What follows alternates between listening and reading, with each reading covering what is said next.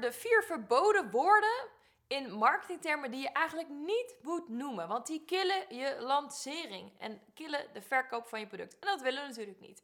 Nou, het zou geen surprise zijn, maar ik ben zelf heel erg van de praktische, twee benen op de grond, uh, en business coach. Dus ik werk niet heel erg vaak met hele spirituele bedrijven. Komt ook omdat ik zelf christen ben en ik gewoon simpelweg daar gewoon geen affiniteit meer heb. en ik snap het ook gewoon vaak niet. Dus eh, het zijn ook niet altijd de juiste klanten. Maar aan de andere kant is er ook gewoon een marketingprincipe wat gewoon heel vaak niet werkt bij deze beroepen. En dat is ook de reden waarom ik niet zo heel erg veel werk met mensen die hele spirituele dingen doen. Nou, mocht jij nu wel een van die mensen zijn, luister dan, want dan is denk ik deze eh, podcast en video erg handig voor jou. Ik heb zelf uh, eh, 100 jaar geleden marketing en communicatie gestudeerd. En wat we daar heel erg uh, leerden, en, uh, is dat je marketing, je boodschap, moet niet op meerdere manieren op te vatten zijn. Het moet echt precies duidelijk zijn wat je bedoelt. Iets heel ludieks is natuurlijk echt geweldig, maar duidelijkheid gaat echt bovenop. En toen ik voor vele jaren in de reclamewereld heb gewerkt, was er ook maar één regel. Functie boven vorm. Dus zorg dat het leesbaar is, zorg dat de boodschap goed overkomt. En ik denk soms dat we als ehm, ondernemers te clever willen zijn, maar dit gaat dan ten koste van de boodschap. Nou, wat zijn dan in lanceerwereld de verboden woorden uh, voor een lancering en je marketingboodschap? Nou, even als voorbeeld, ik doe ze even allemaal in een zin. Ik help je om je blokkades te verbreken of doorbreken, zodat je meer in balans komt, vanuit je kracht gaat opereren um, en naar een next level gaat doorbreken door je innerlijke kind aan te spreken. Nou, dat is de ultieme. En ik ga je eventjes vertellen waarom dit allemaal niet werkt. Want het klinkt best wel geweldig, toch? Maar uiteindelijk zegt het niet zoveel. En uh, jouw ideale klant gaat hier waarschijnlijk niet precies weten wat jij nou voor hen oplost. Er zal altijd wel een doelgroep zijn. En dat zijn vaak ook hele spirituele mensen. Die dan heel erg goed weten wat jij precies bedoelt. En die gaan helemaal op in de vibe. Maar dat zijn niet de mensen die jou het meeste geld gaan betalen. Dus zorg uiteindelijk dat je boodschap duidelijk is. Nou, ik ga je vertellen waarom um, deze verschillende woorden niet zo handig zijn en hoe je ze kan vervangen. Allereerst, je blokkades doorbreken. Die zie je nog natuurlijk best wel vaak om je heen. Uh, dat zijn mensen die bijvoorbeeld EFT doen of hypnose. En die willen graag blokkades doorbreken. Nou, allereerst, uh, dat is ook echt precies wat je vaak doet. Maar dat is niet wat heel erg door de, tot de verbeelding spreekt. Het is niet specifiek genoeg. Dus geef specifiek aan welke blokkades ga je dan verbreken? Dan krijg je vaak het antwoord: ja, je limited mind, mindset die je vasthouden in dit level. Nou, dat gaat het dus ook niet worden, omdat je dan echt veel te veel in concepten zit te spreken. Bijvoorbeeld, welk probleem los je dus nu echt op? Misschien los je wel een geldprobleem op. Het gevoel dat er altijd tekorten is, waardoor je te gefixeerd in je business zit en je sales altijd mislukt. Dat is praktisch. Misschien los je wel relatieproblemen op. Uh, misschien heb je trauma's uh, van je jeugd, bijvoorbeeld door een slechte band met je moeder of je vader. Dat je dat fixt, waardoor je nu wel vrij moedig in een relatie kan stappen zonder die verlatingsangst. Klinkt al een heel stuk praktischer, hè? Nou, hierin moet je dus gaan kiezen. En ik ga je aan het einde vertellen hoe je die keuze goed kunt maken. Het tweede verboden woord is het woord balans. Die hoor je natuurlijk heel vaak. Nou, voor iedereen betekent balans weer wat anders. Mijn man zegt bijvoorbeeld nou dat ik heel erg slecht ben in balans. Vooral toen we veel naar uh, derde wereldlanden reisden en we over die platen moesten lopen in sloppenwijken. En dat er dan altijd een kans is dat een van die platen onder je voeten vandaan kwamen. Dus hij heeft me altijd proberen uit te leggen, kan nog steeds niet, dat je je balans heel erg moet goed kunnen verdelen. Zodat als één plank uh, weggaat, dat je nog wel nog steeds overeind blijft. En ik loop altijd op elke plank alsof die 100% mij moet houden, anders gaat het echt helemaal mis. Uh, ook voor ijshockeyschaatsers uh, is balans ook heel erg belangrijk op dat ijs. Dus als we het hebben over balans, dan hebben we het vaak over het center van je zwaartekracht en hoe je dat in je voeten dan verdeelt.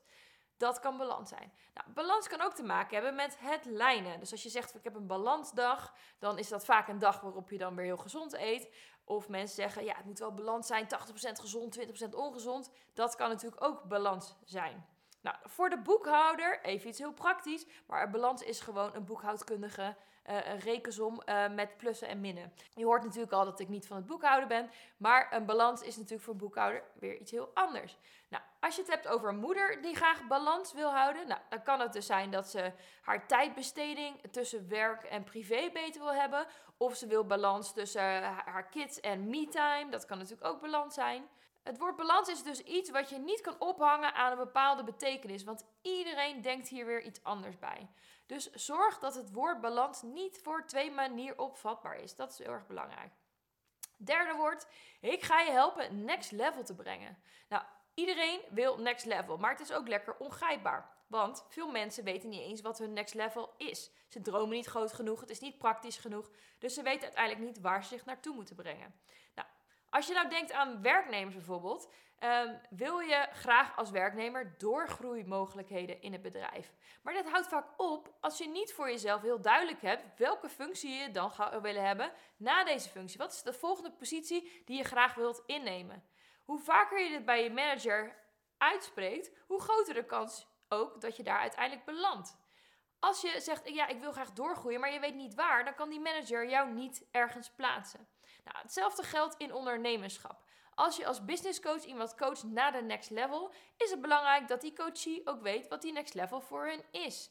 En voor jou als coach is het dus ook goed om dat beeld voor ogen te houden. Misschien is het wel die 1 miljoen omzet waar je ze naar brengt, of juist uh, dat je jezelf uit je business werkt, zodat je het kan gaan verkopen. Dus als je aangeeft dat je voor gevorderde ondernemers helpt om een bedrijf verkoopbaar te maken, zodat zij vervroegd met pensioen kunnen gaan of iets dergelijks, of uh, misschien investeerder gaan worden, dan spreekt dit wel 100% tot verbeelding. En dan geef jij aan wat dat next level dus is voor je klanten. Dus spreek die droom dus uit. Als allerlaatste, um, in je kracht zetten. Die hoor je natuurlijk ook vaak. Wij als coaches willen dat ook natuurlijk vaak zeggen dat we jou in je kracht zetten.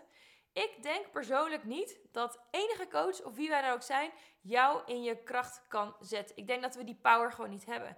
Ik denk dat wij als coach wel uh, mensen kunnen helpen met het opzoeken naar waar hun zone of genius ligt. Dus waar zij extra, extreem goed in zijn.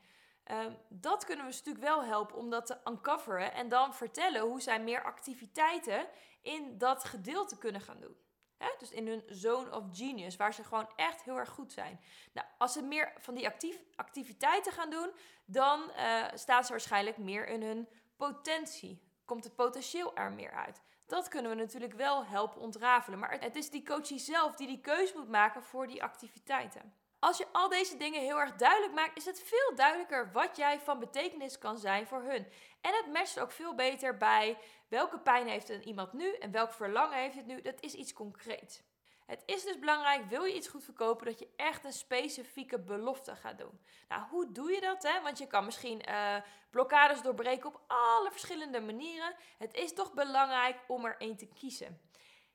Hoe kies je nou de juiste? Nou, ik kijk altijd bij mijn klanten altijd, wat is hun eigen drijfveer? Waarom willen zij die coach worden? Vaak wil je mensen bij helpen bij iets wat je zelf achtergelaten hebt. Misschien heeft het te maken met jouw journey of heb je zelf iets traumatisch beleefd, uh, waardoor je meer gepassioneerd bent om mensen te helpen met dit onderdeel. Er is altijd wel een reden waarom jij dit bent gaan doen. Probeer dat uit te pluizen en ga dan mensen helpen met precies dit onderdeel. Dan zul je echt zien dat het veel praktischer is. Het nadeel van deze marketingboodschap en deze belofte die je eigenlijk doet, is dat het soms heel erg moeilijk is om dat van jezelf te schrijven.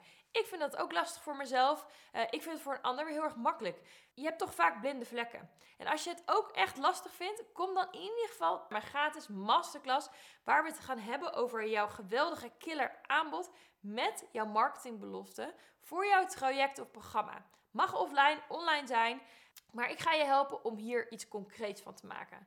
Je kunt je aanmelden met de link in de bio of in de show notes hieronder. Hopelijk zie ik je daar. Doeg!